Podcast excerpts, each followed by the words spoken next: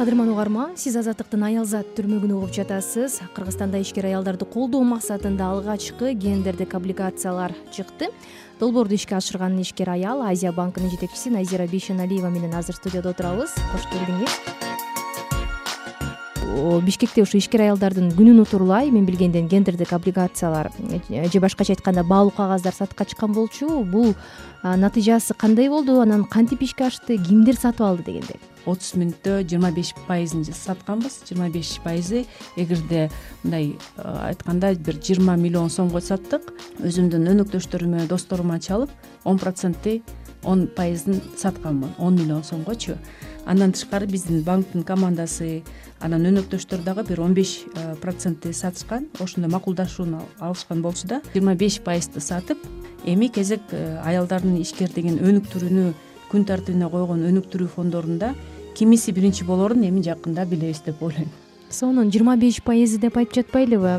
Жыйырма беш пайызы жыйырма миллионго чукул эки жүз э, жыйырма миң доллар. Эки жүз жыйырма миң доллар. Демек дагы э, ушул жетимиш беш пайыз гендердик облигация сатыкка чыгып жатат.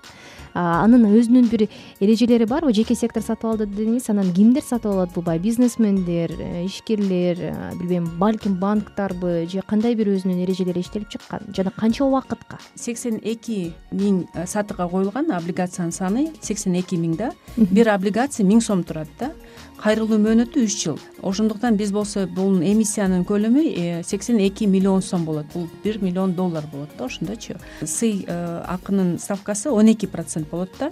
Бүттүгү сатып алышат. Жеке э, жеке адамдар компаниялар фонддор банктар социалдык активдүү социалдык жанагы эмени түшүнгөн маселени түшүнгөн компаниялар инвесторлор деп аны айтса болот да ошондой ошондуктан баардыгы сатып алышы мүмкүн. Анан э, бизде болсо э, азия өнүктүрүү банкы биздин дагы атыбыз окшош биз болсо частный банк да банк азия а ошол эмитент болуп да саналат гендердик облигацияларды чыгаруу боюнчачы он төрт миллиард теңге чогултушкан да бул отуз эки миллион доллар жеке рынок чыгарды да частный сектор чыгарды в лице банка частного банка.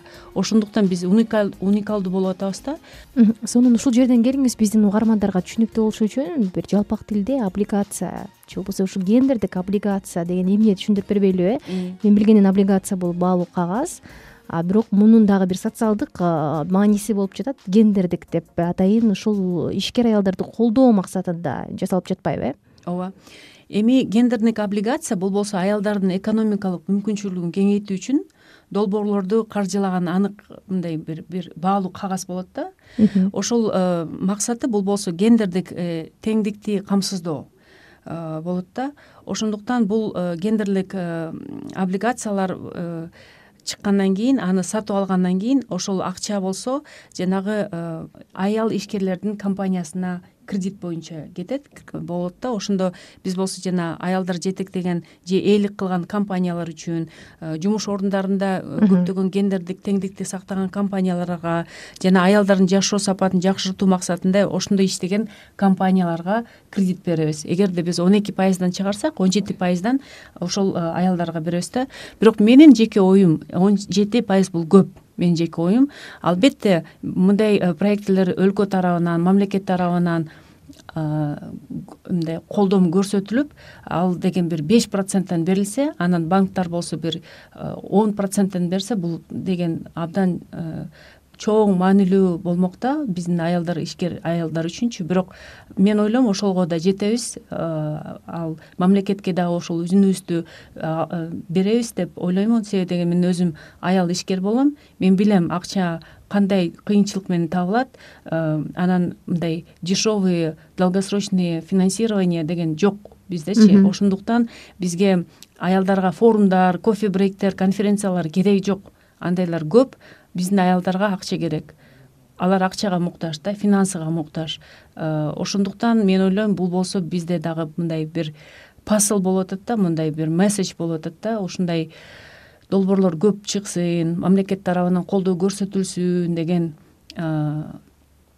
ошондой болуп жасап атабыз да. Канча жылга берилет он жети пайыздан анан алардын аялдардын бир тизмеси конкурстук негизде аныкталабы кимдер катышат дегендей. Азыр эми ушул гендердик облигация боюнча кабар чыккандан бери каржылык жактан колдоону күткөн аялдар дагы байланышып атса керек сиздер менен биз болсо жөн эле ошол облигацияны чыгарып анан аялдарга берип койбой. Ошол ошол аялдардын эми историясын ошол бир жакшы бир история успех алып келе турган э, мындай кейстерди чогултабыз деп э, чогулткубуз келет да. Анан андан аркы дагы жардамыбыз ошол гранттарды э, алганга себеп дегенде анан ошол максатты коюп кыргызстандык аялдардын э, статусун көтөрүүгө кыргызстандын аялдарынын экономикада болгон ролун көтөрүүгө мен ойлойм биз иштешибиз керек. Мындай бир независимый болсо күчтүү болсо аял киши көп жасайт расмий маалымат боюнча ушул кыргызстандын ишкерлеринин үчтөн бир бөлүгүн аялдар түзөт экен бирок адистердин айтымынча көбүнчө алар жеке секторлордо чакан жана бир орто ишкерликте иштешет да. Көбүнчө аял эле аял ишкер десе биз баягы тамак ашка байланыштуу же тикмечилик э баягы тигүү цехин ачкан же ашкана иштеткен сыяктуу бир э, чакан бизнести башкарган аялды элестетебиз а негизи азыр иш жүзүндө практикада кандай болуп жатат? Баягы миллиондорду иштеткен миллионер айымдарыбыз көппү мисалы сиз ушул өзүңүз дагы ишкер аял катары эмнелерди байкайсыз дегендей? Бизде аялдар ар бир сектордо бар. Мен бир ай мурун Э, дубайга алып барган болчумун. Э, биздин аялдарды бул болсо малый средний крупный бизнес. Анан ал жактагы аялдар биздин аялдарды көрүп мындай деп айтышты да кыргызстандык аялдар абдан мындай э, күчтүү экен депчи. Себеби дегенде силер биз дордойдон эле баштаган да биздин биринчи поколение женщин вот женщин предпринимателей алар болсо токсон төртүнчү жылы ошол э, мамлекетке да жардам берип өзүнүн үй бүлөсүнө да жардам берип ошондон челнок аялдар э челнок аялдардан биздин менин оюмча мындай отечественный бизнес ошол челнок аялдар курган. Бизде мындай историяны билишибиз керек да. Эмираттын аялдары ушунчалык суктанып карашты да алар мынтип айтышты. Силер бизден дагы андай күчтүү экенсиңер депчи. Биз болсо андай күчтүү эмеспиз. Дегенде бизде ар бир э, условиялар уже түзүлгөн. Жыйырма беш жылга каржы берип салат кредит берип салат кредитибизди төлөй албасак аны да жаап салат. Сонун сиз дубайда ишиңиз дагы өзүңүздүн көп учурда ошол жашоо турмушуңуз да дубай менен байланыштуу атпайсызбы араб эмирлиги менен э? Ал жактагы ушул аял ишкерлер туурасында эмнелерди айта аласыз? Негизи айырмачылык абдан көп болуш керек. Элүү пайызы жана парламентте отурат. Элүү пайызы аялдар аялдар э, парламентте отурат. Андан тышкары жыйырма жети пайызы министерстволордо отурушат. Жыйырма жети пайыз. Э, мындан тышкары алардын баардыгына жанагы эгерде бизнес ачам десе э, дешевый финансирование боюнча кредиттерди алса болот. Как минимум алардын образованиясы mit гарвард да там баардыгы жана список форбсто киришет. Көптөгөн алар советник шейха мухаммеда советники премьер министров советники министра экономики. Аял ишкерлердин күнүнө карата дагы иш чара уюштурдук деп айтып жатпайсызбы анан ушул аял ишкерлер менен да тыгыз байланышкан адам катары. Алар кандай тоскоолдуктарга туш болушу мүмкүн деп эсептейсиз? Анан ошол эле кезде жыл сайын алар аял ишкерлердин саны көбөйүп жатканы байкалуудабы негизи эле бул жакта баягы тенденция кандай дегендей? Менин оюмча мындай бир эмеси жанагы биздин аялдардын проблемасы бул болсо финансылык эме доступ к финансированию. Ошол чоң каражат жетишсиз бирок болсо эгерде биз мамлекет катары же биз э, финансылык сектор катары ошону ошол маселени чечсек мен ойлойм бул болсо абдан чоң.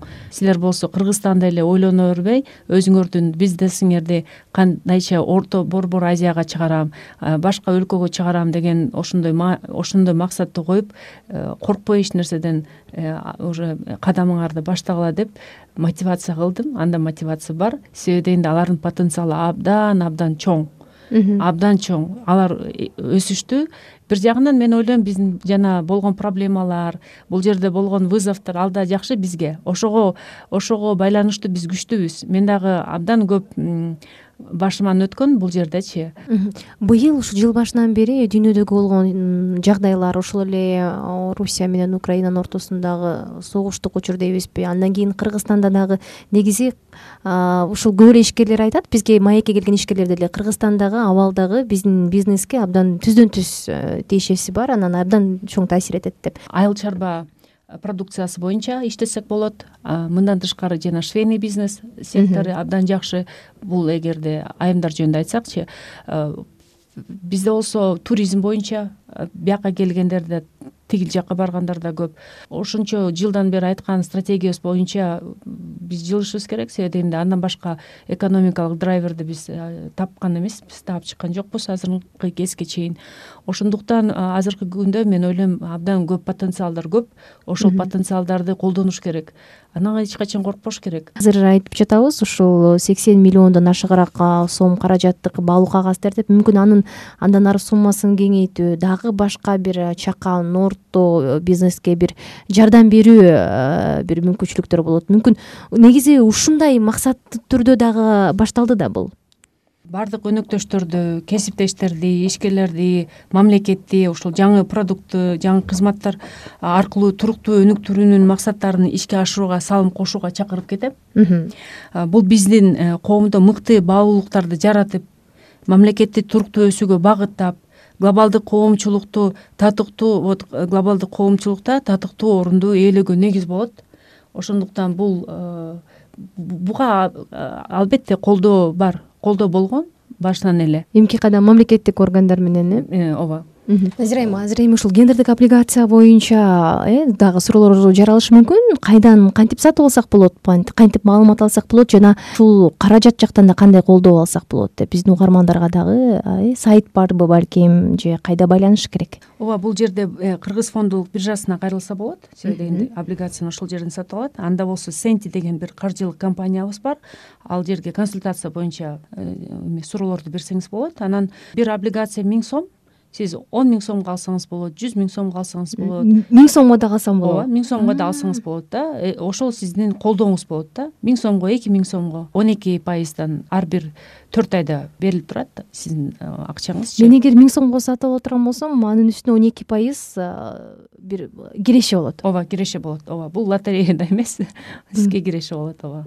Бул депозиттин э, бир оңоюраак бир жолу го мындайча айтканда. Азыркы кезде депозит он алты пайыздан бир он төрт он төрт он алты пайыздан э берилет. Бирок болсо бул социалдык облигация да биз аны болсо он алты он тогуз пайыздан бере албайбыз да. Анда биздин аялдарга кыйыныраак болот да. Ошондуктан он эки пайыз ошондо сиз болсо социалдык активдүү инвестор болосуз да? Аял ишкерлерди колдогон. Колдогон ооба. Сонун сизге чоң рахмат. Менимче бул ишти көпчүлүк эле биздин ишкерлер ишкерлер эмес э жөнөкөй деле тургундар колдоп чыкса болот рахмат кадырман угармандар сиз аялзат түрмөгүн уктуңуздар. Бүгүн биздин студиябызга ушул азия банкынын жетекчиси жана ушул гендердик облигация боюнча долбоорду ишке ашырган ишкер аял назира бейшеналиева келип маек куруп кетти. Анда биз ушул баалуу кагаздардын аял ишкерлерге болгон колдоосу жана анын мааниси туурасында кеңири сөз кылдык. Чоң рахмат аман болуңуздар